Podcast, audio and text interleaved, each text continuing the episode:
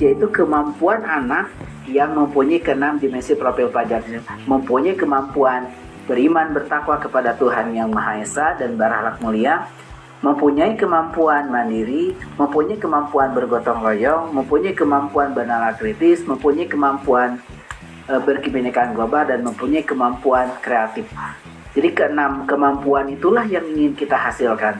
Nah, perwujudan dari itu pun maka kita sudah integrasikan keenam dimensi profil pelajar Pancasila ini ke dalam standar kompetensi lulusannya. Jadi jelas setelah lulus, setelah PAUD, setelah SD, setelah SMP, setelah SMA dan sederajat kemampuan apa yang harus dimiliki? Ya kemampuan itu sudah kita tuangkan dalam uh, standar kompetensi lulusannya. Jadi setelah dia lulus PAUD, harapannya mempunyai keenam dimensi itu di jenjang PAUD sejauh mana, di jenjang SD sejauh mana, di SMP sejauh mana, di SMA sejauh mana. Jadi yang kita tuangkan di dalam uh, keenam dimensi ini adalah kompetensi umum atau karakter. Jadi memuat kompetensinya dan karakternya juga. Nah, Ibu Bapak untuk mencapainya, maka di dalam kurikulum Merdeka untuk mencapai kemampuan tadi, kompetensi dan karakter tadi, maka selain melalui intrakurikuler, ada juga suatu kegiatan pembelajaran yang untuk memperkuat langsung karakter para peserta didik itu maka kita berikan nama proyek penguatan profil pelajar Pancasila. Jadi kalau waktu belajar selama ini utamanya habis 100% untuk membangun intranya, akademiknya, kalau sekarang bukan hanya sekedar kemampuan akademiknya, tapi kemampuan karakternya juga itu perlu dibangun. Jadi kompetensi dan karakter itu dibangun di dalam proses pembelajarannya. Maka ada alokasi waktu bagaimana membangun akademiknya, mata pelajarannya, dan membangun karakternya. Lalu sebagai kompetensi yang dituju oleh para peserta didik ya, bagaimana membangun kompetensi yang dituju di dalam mata pelajarannya, itu ada yang sekarang sebut capaian pembelajaran. Nah ini kompetensi yang dituju kalau di K13 kan kompetensi dasar yang ditetapkan kan sudah ditentukan urutannya per tahun. Nah sekarang kita tetapkan kompetensi apa yang dituju di dalam mata pelajaran maka kita tuangkan dalam capaian pembelajaran yang kita tetapkan per fase. Di SD setiap fasenya itu setiap 2 tahun di SMP dalam satu fase di SMP dua fase. Jadi waktunya kita lebih longgarkan. Kalau sebelumnya per tahun dan ditentukan urutannya kalau sekarang kita tetapkannya per fase. Di SD per 2 tahun di SMP 3 tahun. Pokoknya siswa di akhir fase mempunyai kemampuan tersebut kami serahkan kepada pendidik, kami percayakan kepada pendidik urutan mencapai kompetensi tersebut. Dan yang selanjutnya juga beberapa kebaruannya adalah pembelajaran sesuai tahap capaian atau teaching at the right level sebagai pendekatan untuk memastikan setiap peserta didik mendapatkan hak belajar yang memberikan mereka kesempatan mencapai kompetensi minimum. Jadi sekarang yang menentukan tujuan belajar itu guru dan guru pun yang paling tahu menentukan harus diberikan apa. Maka kita harus kenali dulu anak. Bisa jadi pada saat masuk misalkan anak kelas 5 setelah dicek dia belum bisa membaca menulis maka kepada anak tersebut jangan diberikan langsung materi yang ada harusnya di materi kelas 5 yang langsung rumit yang sudah belajar pecahan dan lain-lain mungkin mereka duduknya di kelas 5 tapi bisa jadi diberikan belajarnya. Itu adalah belajar materi-materi kelas 1 masih belajar hitungan 1, 2, 3 masih belajar huruf ABC itu walaupun duduknya di kelas 5 tapi belajarnya bisa jadi belajarnya materi kelas 1 jadi diberikan kesempatan mencapai kompetensi sesuai. Jadi dia mendapatkan memastikan anak mendapatkan hak belajar yang memberikan mereka kesempatan. Jadi bisa jadi siswanya sudah kelas 3 SMP, SD tapi materinya masih kelas 1. Sekarang kemarin dengan akibat kondisi pandemi banyak terjadi. Siswanya sudah kelas 4, kelas 3, tapi dia belum bisa menguasai materi-materi yang harusnya dipelajari di kelas 1 SD. Sehingga duduknya mungkin di kelas 4, di kelas 3, tapi belajarnya silakan berikan sesuai yang memang mereka belum mereka kuasai. Yaitu bisa jadi mereka duduknya kelas 3, kelas 5, tapi belajarnya materi-materi kelas 1. Ini kita terapkan dalam teaching at the level ini. Lalu juga untuk memperkuat uh, e, mendukung pembelajaran sesuai tahap e, capaian juga kita perkuat asesmen formatif dan dalam rangka membantu satuan pendidikan dalam rangka mengimplementasikan kurikulum merdeka ini kami sudah menyiapkan contoh-contoh perangkat ajarnya.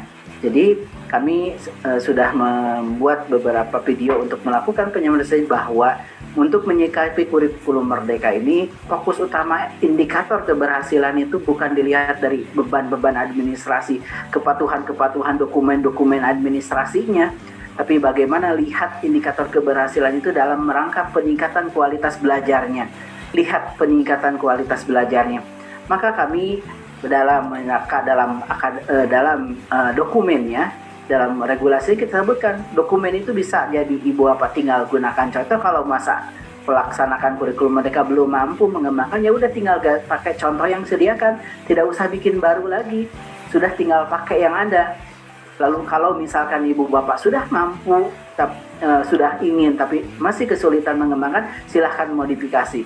Ataupun bagi bapak yang sudah kreatif, inovatif, tidak usah lihat contoh, bisa langsung bikin sendiri. Sehingga bagi yang sudah kreatif, inovatif, bisa langsung kembangkan mandiri. Bagi yang kesulitan, kita tidak tinggalkan. Bagi yang masih kesulitan, silahkan gunakan contoh-contoh yang sudah kita siapkan. Nah inilah yang kita lakukan beberapa pembaharuan. Jadi semangatnya adalah silahkan ibu bapak dalam proses penerapan kurikulum mereka seperti anak belajar Anak belajar tidak ada yang langsung 100% langsung lihai semuanya. Mungkin ada yang di tahap awal itu sudah langsung mengerti, sudah paham, sudah lihai. Silahkan dia berjalan sesuai kemampuannya lihai. Tapi ada jadi setelah orang anak belajar, tahap awal itu belum memahami sehingga perlu diulangi. Begitu pula proses penerapan kurikulum mereka mungkin pada tahap awal ini ada yang menerapkannya itu masih menggunakan contoh-contoh yang ada belum bikin berbagai perangkat-perangkat aja yang tinggal mengikuti contoh yang ada tapi jadi ada yang sudah tahap awal belajar di tahun yang sama ada yang belajar itu mulai memodifikasi tapi ada juga yang di tahap awal belajar tahap awal menerapkan itu langsung bisa bikin sendiri maka itulah yang kita dorong jadi kalau sebelumnya mengikuti harus pola yang sama, standar yang sama. Kalau sekarang sesuaikan tahap kemampuan masing-masing. Mungkin bagi sekolahnya yang sudah mampu mengembangkan mandiri, ya udah kembangkan mandiri. Bagi sekolahnya yang kesulitan belum mampu mengembangkan diri, jangan dipaksa untuk membuat mengembangkan mandiri sendiri. Silahkan gunakan contoh atau silahkan modifikasi. Nah itu yang kita dorong di dalam uh, kurikulum mereka. Nah, Ibu Bapak, ini penting terkait dengan struktur kurikulumnya. Karena dari struktur kurikulum inilah dan dari prinsip-prinsip tadilah terjabarkan nanti harapannya di dalam perencanaan pembelajaran yang dilakukan.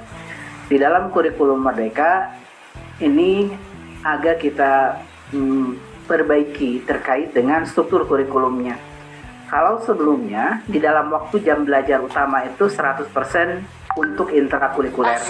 Jadi kalau sebelumnya kan ya, misalkan dalam satu minggu masuk. yang SMP misalkan belajar 38 jam. Maka sebelumnya 38 jam itu langsung disebar ke berbagai mata pelajaran. 38 jam itu ke matematika sekian jam, ke bahasa Indonesia sekian jam, habis 38 jamnya. Nah, kalau dalam kurikulum mereka kita tidak menambah beban belajar anak. Jadi anak belajar dalam satu minggu itu tetap 38 jam. Namun yang selama ini 38 jam itu habis seluruhnya untuk intrakurikuler. Nah, sekarang itu dari 38 jam itu ada alokasi waktu sekitar 20 sampai 30% itu kegiatannya bukan untuk intrakurikulernya, tapi ada kegiatan untuk pengembangan karakternya yang kemudian kita berikan nama proyek penguatan profil pelajar Pancasila. Jadi kegiatannya memang ditujukan untuk memperkuat karakternya. Nah ini tidak mesti, tidak harus dikaitkan dengan mapel terkait dengan penguatan profil pelajar Pancasila ini. Jadi kalau diilustrasikan kalau sebelumnya 38 jam itu 38 langsung disebar ke berbagai mata pelajaran. Kalau sekarang dari 38 itu untuk intranya disebar ke berbagai mata pelajaran ke dalam intra itu adalah sekitar 28 jamnya. 10 jamnya buat apa? 10 jamnya setiap minggu adalah kegiatan untuk menguatkan karakter. Jadi waktu 10 jam setiap minggu itu adalah kegiatan-kegiatan yang memang diperuntukkan untuk menguatkan karakter. Yang kemudian kita berikan nama proyek penguatan profil pelajar Pancasila. Jadi fokusnya adalah waktu 10 jam setiap minggu adalah membiasakan anak berkembang karakternya. Nah, berkembang karakternya melalui suatu kegiatan. Inilah yang kemudian kita berikan nama proyek penguatan profil pelajar Pancasila. Jadi di sini memang dalam struktur kurikulumnya, kalau sebelumnya waktu 38 jam itu langsung habis untuk intrakurikuler, kalau sekarang untuk intrakurikulernya itu tinggal 28 jam. Jadi ada 10 jamnya, sekitar 10 jam itu adalah penguatan untuk karakternya. Sekitar 20 sampai 30% itu kegiatan untuk penguatan karakter. Nah, pertanyaannya, apakah dengan demikian waktu alokasi untuk intra berkurang? Betul berkurang. Lalu apakah beban mengajar gurunya berkurang? Tidak. Beban mengajar guru kita tetap jaga sama, yaitu dengan menjumlahkan pada saat guru mengajarkan intra dan pada saat guru berperan sebagai fasilitator. Jadi kita jaga tetap beban mengajarnya, tapi waktu mengajarnya kita kurangi.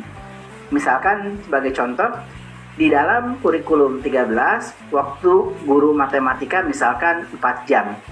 Maka di dalam kurikulum merdeka, gurunya ngajar matematikanya 3 jam, Lalu sebagai fasilitator satu jam, maka beban mengajar itu tetap empat jam.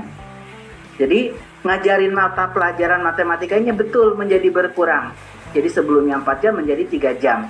Guru agama sebelumnya misalkan tiga jam sekarang menjadi dua jam. Guru bahasa Indonesia misalkan sebelumnya empat jam menjadi tiga jam. Alokasi mengajarnya berkurang. Tetapi beban mengajarnya itu tetap. Jadi mengajarnya guru matematika ngajarnya 3 jam tapi beban sejak awal di perhitungan dalam dapodiknya 4 jam. Jadi ngajar agak matematikanya 3 jam tapi beban mengajarnya 4 jam. Nah ini ibu bapak lalu satu jamnya mana? Satu jamnya adalah berperan sebagai fasilitator. Nanti kolaborasi guru jadi tidak dikait-kaitkan dengan apa. Kolaborasi dalam rangka eh, tidak harus dikait-kaitkan dengan mapel berkait tapi kegiatan untuk secara langsung menguatkan karakter. Nah ini nanti ada lokasi proyek penguatan. Jadi dalam desain struktur kurikulumnya kita memang kalau sebelum 100% untuk internal kalau sekarang ada waktu khusus untuk penguatan karakter. Nah, terkait dengan pembelajaran intra tadi kan alokasinya dikurangi ini rata-rata satu jam setiap mapel. Nah, maka concern kami pada saat kami meminta para penyusun merumuskan kompetensinya dalam bentuk capaian pembelajaran, kita minta tolong kurangi perhatikan materi-materi yang benar-benar penting perlu dikuasai oleh para peserta didik kita. Maka kita minta kalau alokasinya kita kurangi sekitar 30%, materinya upayakan lebih dari itu kita harapkan bisa kurangi 30, 40, 50, 70 persen. Kurangi materi-materinya supaya tidak terlalu padat materinya. Kita kurangi, kurangi dari setiap materi itu, dari setiap mata pelajaran. Sebenarnya ini sudah kita terapkan waktu kurikulum darurat. Di beberapa mata pelajaran ada beberapa mata setelah kita cermati, kita lihat lagi, itu bisa kita kurangi sampai 70% materinya. Kita keluarkan, tidak kita berikan jadi siswa itu benar-benar berfokus kepada materi-materi yang esensial yang akan dibutuhkan nantinya. Sehingga nanti anak tidak terlalu lagi dijejali berbagai materi dari berbagai mata pelajaran, tapi dia akan lebih fokus ke materi-materi yang esensialnya. Maka di dalam pembelajaran interakurikuler ini yang mengacu ke setiap mata pelajaran, nih Bapak, kita desain satu rumusannya kita tetapkan per fase. Supaya apa? Supaya ibu bapak bisa menentukan rute urutan belajar. Wah sekarang di kelas 1 SD ngajarin apa dulu? Sampai kelas 1 akhir ngajarinya sampai mana?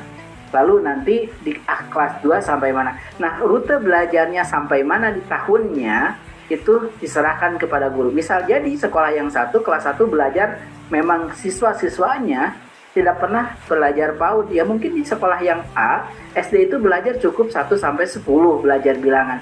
Tapi sekolah B mungkin siswa-siswanya rata-rata pernah belajar PAUD. Bisa jadi sekolah yang B itu belajarnya sudah sampai 100 nah per tahunnya itu mungkin beragam. Nah kita jaga samanya nanti di fase. Apalagi di SMP itu nanti satu fase. Ibu bapak yang penting siswa di SMP menguasai di akhir fase kompetensi yang kita tetapkan di akhir kelas 9 sehingga bisa jadi sekolah yang satu ngajarin di kelas satunya sampai A materi A di sekolah B ngajarin materinya itu di materi B sampai B. Misal jadi di matematika contohnya bisa jadi sekolah A SMP A oh merasa yang paling penting perlu diberikan itu materi bilangan dulu. Sehingga di kelas 1 dituntaskan materi bilangan. Ada bilangan bulat negatif ada bilangan rasional dan struktur aljabarnya aljabarnya dituntaskan di kelas 1 Sekolah yang lain bisa jadi materi kelas satunya itu tidak langsung ke mempelajari struktur aljabar dan lain-lain, tapi misal jadi belajarnya dia geometri dan statistika.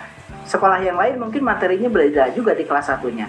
Nah, sekarang yang menentukan urutan belajar, urutan belajar kita percayakan kepada guru menentukan materi apa terbaik yang perlu diberikan kepada peserta didiknya. Nah, itulah yang ingin kita berikan kepercayaan kepada pendidik, kepada satuan pendidikan untuk menentukan rute belajar, menentukan perencanaan belajarnya. Jadi kita berikan kepercayaan dulu kepada guru. Nah, perkara oh kami belum tentu mampu menentukan rute belajar maka kepada yang belum siap, kepada yang belum mampu, kita siapkan contoh-contoh. Jadi berangkat contoh-contoh yang kita siapkan itu memang peruntukan bagi yang masih kesulitan. Tapi kalau ibu bapak yang sudah rata-rata mampu menentukan rute belajar, menentukan perencanaan pembelajaran, silahkan ibu bapak kembangkan langsung. Jadi titik awal pengembangan kurikulum mereka itu berada berangkat dari titik awal adalah kita percaya kepada guru, kita percaya kepada pendidik, maka karena kita percaya tahap awal itu yang kita berikan adalah kami berikan kewenangan ibu bapak menentukan rute belajar perencanaan pembelajarannya. Tidak terjebak lagi ke sistematika, ke format-format tertentu, ke urutan-urutan yang diseragamkan. Nah, titik awalnya adalah kami percaya. Silahkan berikan fleksibilitas menentukan cara terbaik. Nah, kalaupun dalam implementasinya ada yang belum mampu, kami kita tidak meninggalkan juga kepada guru-guru yang belum siap, belum mampu, belum bisa, maka siap gunakan contoh. Jadi kepada guru-guru yang sudah kreatif, inovatif, silahkan nih Bapak jangan terbelenggu contoh, langsung aja kembangkan. Fokus keberhasilannya apa? Keberhasilannya bagaimana peningkatan kualitas belajar anak itu. Jadi kepada yang ibu bapak titik awal kitanya adalah silahkan ibu bapak karena kami percaya silahkan tentukan rute belajar ibu bapak. Oh mungkin di sini paling utama yang akan diberikan ini setelah ini ini lalu ini.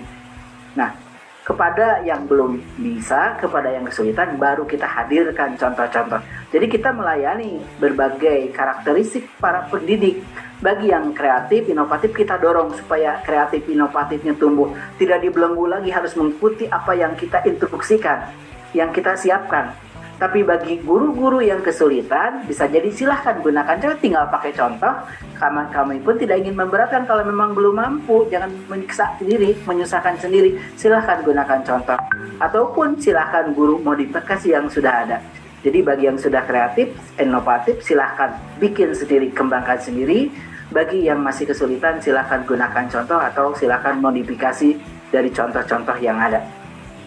Nah, dari sini Bapak dari struktur kurikulum ini terlihat bahwa yang perlu direncanakan satuan pendidikan terkait mata pelajaran karena melekat di dalam setiap mata pelajaran maka setiap guru mata pelajaran silahkan kembangkan perencanaannya perencanaan pembelajaran yang kemudian bisa jadi ibu bapak perencanaan itu masih dalam bentuk RPP atau bisa jadi dalam bentuk modul ajar. Karena prinsip perencanaan yang perlu disusun itu sesuai standar yang terbaru. Yang penting ada tiga komponen, ada tujuan, ada langkah-langkah, ada asesmen. Nah yang paling penting itu bagaimana menjaga sinkronisasi dari tujuan ke langkah-langkah lalu ke asesmen. Itu aja prinsip di dalam perencanaan pembelajaran untuk mata pelajaran. Nah ini untuk mencapai kompetensi mata pelajaran. Lalu ada suatu kegiatan yang ini wajib juga dilakukan adalah pembelajaran kokuler dalam bentuk proyek penguatan. Perlu direncanakan. Nah, kalau perencanaan proyek penguatan ini disusunnya di level satuan pendidikan. Jadi bukan guru masing-masing, tapi di level satuan pendidikan dirancang nantinya. Dirancang perencanaannya. Kemudian kita berikan juga contoh-contohnya dalam bentuk modul proyek. Jadi ini prinsipnya sama tadi, minimal komponennya sama tadi. Ada tujuannya, ada langkah-langkahnya, dan ada asesmennya. Sehingga nanti perencanaannya kalau untuk melekat di mata pelajaran ini perencanaannya sama seperti yang saat ini. Kalau belum mampu buat modul ajar silahkan bikin dalam bentuk RPP dan lain-lain. Nah, Ibu Bapak terkait dengan intrakurikuler, terkait dengan uh, perencanaan pembelajaran di dalam setiap mata pelajaran yang menjadi acuan guru uh, membelajarkan menuangkan ke dalam perencanaan pembelajaran harian itu adanya capaian pembelajaran. Jadi kalau di dalam kurikulum 13 itu kan ditetapkan dalam kompetensi dasar. Nah, di dalam kurikulum mereka kita tetapkan kompetensi pembelajaran yang harus dicapai peserta didik itu kita berikan nama capaian pembelajaran. Nah, capaian pembelajaran ini kita sudah susun, sudah kita petakan. Mulai dari fondasi pada PAUD, lalu untuk pendidikan dasar menengah juga kita susun. Jadi kalau untuk PAUD kita sebut CP fase fondasi karena di PAUD itu belum dikenal mata pelajaran. Lalu di SD, di SMP, di SMA itu sudah SMK dan sederajat itu sudah berbentuk mata pelajaran. Jadi kompetensinya yang perlu dicapai oleh peserta didik kita tetapkan dalam capaian pembelajaran minimalnya yang ditetapkan oleh pusat. Nah, kita menetapkan capaian pembelajaran itu per fase. Jadi nantinya satuan pendidikan memiliki keleluasaan untuk menentukan strategi dan cara atau alur untuk mencapainya. Jadi yang kita tetapkan itu adalah kompetensi nantinya di akhir fase apa? Nah, guru, pendidik, satuan pendidikan memiliki keleluasaan untuk menentukan strategi dan cara atau jalur mencapainya. Agar bisa menentukan strategi yang sesuai, maka kita perlu tentunya perlu perlu tahu titik awal keberangkatan siswa. Ini uh, kompetensinya kita bagi per fase ya. Jadi untuk di PAUD ini fase fondasi, Lalu di SD ada tiga fase, fase A, fase B, fase C. Jadi ini sebenarnya waktu penetapannya itu fase itu kita pisahnya per dua tahun nih. 2, 4, 6, 8, 10, 12. Nah di SMP kalau kita tetapkannya di 8 lalu ke 10 kan belum tentu siswa SMP lanjut seluruhnya ke SMA salah satu pertimbangannya sehingga di SMP itu yang harusnya di 8 kita tarik ke kelas 9 Nah, kalau yang lain tetap sebenarnya 2, 4, 6, 8, 2, 4, 6, 8, 10, 12. Yang lain tetap 2, 4, 6, 10, dan 12 tetap. Yang 8 kita tarik kelas 9. Jadi karena salah satu pertimbangannya di siswa SMP kan, kalau dari 8 ke kelas 10 kan belum tentu seluruh siswa SMP akan melanjutkan ke SMA nantinya. Jadi kitanya tidak bisa mengukur nanti semua siswanya lagi kelas 10. Maka kita tarik ke kelas 9. Jadi di SMP kompetensinya itu di selama tiga tahun. Nah, prinsip fase itu adalah kita menetapkan kompetensi nanti di akhir kelas 2 apa yang harus dikuasainya, kompetensi di akhir kelas 4, di kompetensi di kelas 6, di kelas 9, di kelas 10 dan di kelas 12. Oleh karena itulah kita mempercayakan silahkan di Bapak agar fleksibel menentukan rute belajar silahkan tentukan oh di kelas 1 ngajarnya apa saja sampai mana materi apa saja Lalu kelas 2 apa saja? Itu ibu bapak yang menentukannya. Jadi prinsipnya kita berikan kepercayaan kepada pendidik untuk menentukan rute belajarnya. Kalau perkara ada yang belum bisa, silahkan kita sudah menyiapkan contoh-contoh. Tapi prinsip utamanya dulu kita percayakan dulu, percaya dulu kepada guru untuk menentukan rute belajarnya. Maka kalau ibu bapak sudah menentukan oh saya di sekolah yang A belajarnya yang paling pertama ini, yang kedua ini kedua. Nah ini silahkan ibu bapak tentukan udah. Tentunya dengan titik awal tahu kemampuan awalnya.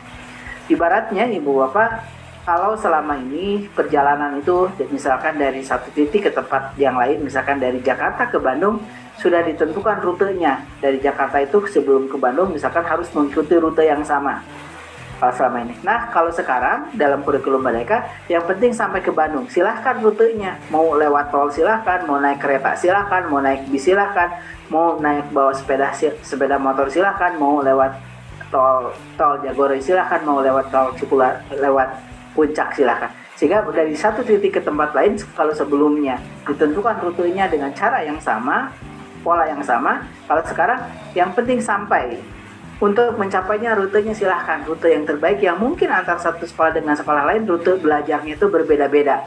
Titik awalnya pun mungkin berbeda-beda. Yang penting kita lihat kompetensinya di akhir fase. Nah, Bapak di dalam kompetensi ini, dalam capaian pembelajaran ini sebagai acuan, sebagai kompetensi yang perlu diberikan, kita setelah jelaskan. Rasional mata pelajaran itu apa? Dijelaskan rasional setelah siswa mempelajari mata pelajaran matematika misalkan dia sebenarnya kenapa harus belajar matematika? Kita jelaskan di dalam rasional ini. Kenapa sekarang siswa ini harus belajar IPA kenapa siswa ini harus belajar IPS kenapa siswa ini harus belajar PJOK kenapa siswa ini harus belajar bahasa Inggris dan lain-lain? Dijelaskan rasionalnya. Lalu sudah kita tentukan juga keterkaitan mata pelajaran juga Assalamualaikum. Uh, kira-kira lebih memperkuat kompetensi apa. Lalu dalam capaian pembelajaran juga ada informasi setelah dia belajar itu tujuan yang ingin dicapai peserta didik setelah mempelajari mata pelajaran tersebut itu apa. Lalu dijelaskan karakteristik. Nah, baru di bagian akhirnya kita jelaskan kompetensinya apa yang harus diperkuasai baik keseluruhan maupun elemen. Jadi kompetensi yang harus dicapai peserta didik di setiap fase dibuat ini ya kompetensinya apa sebenarnya jadi tergambarkan. Jadi kita sudah memetakan secara horizontal, secara vertikal.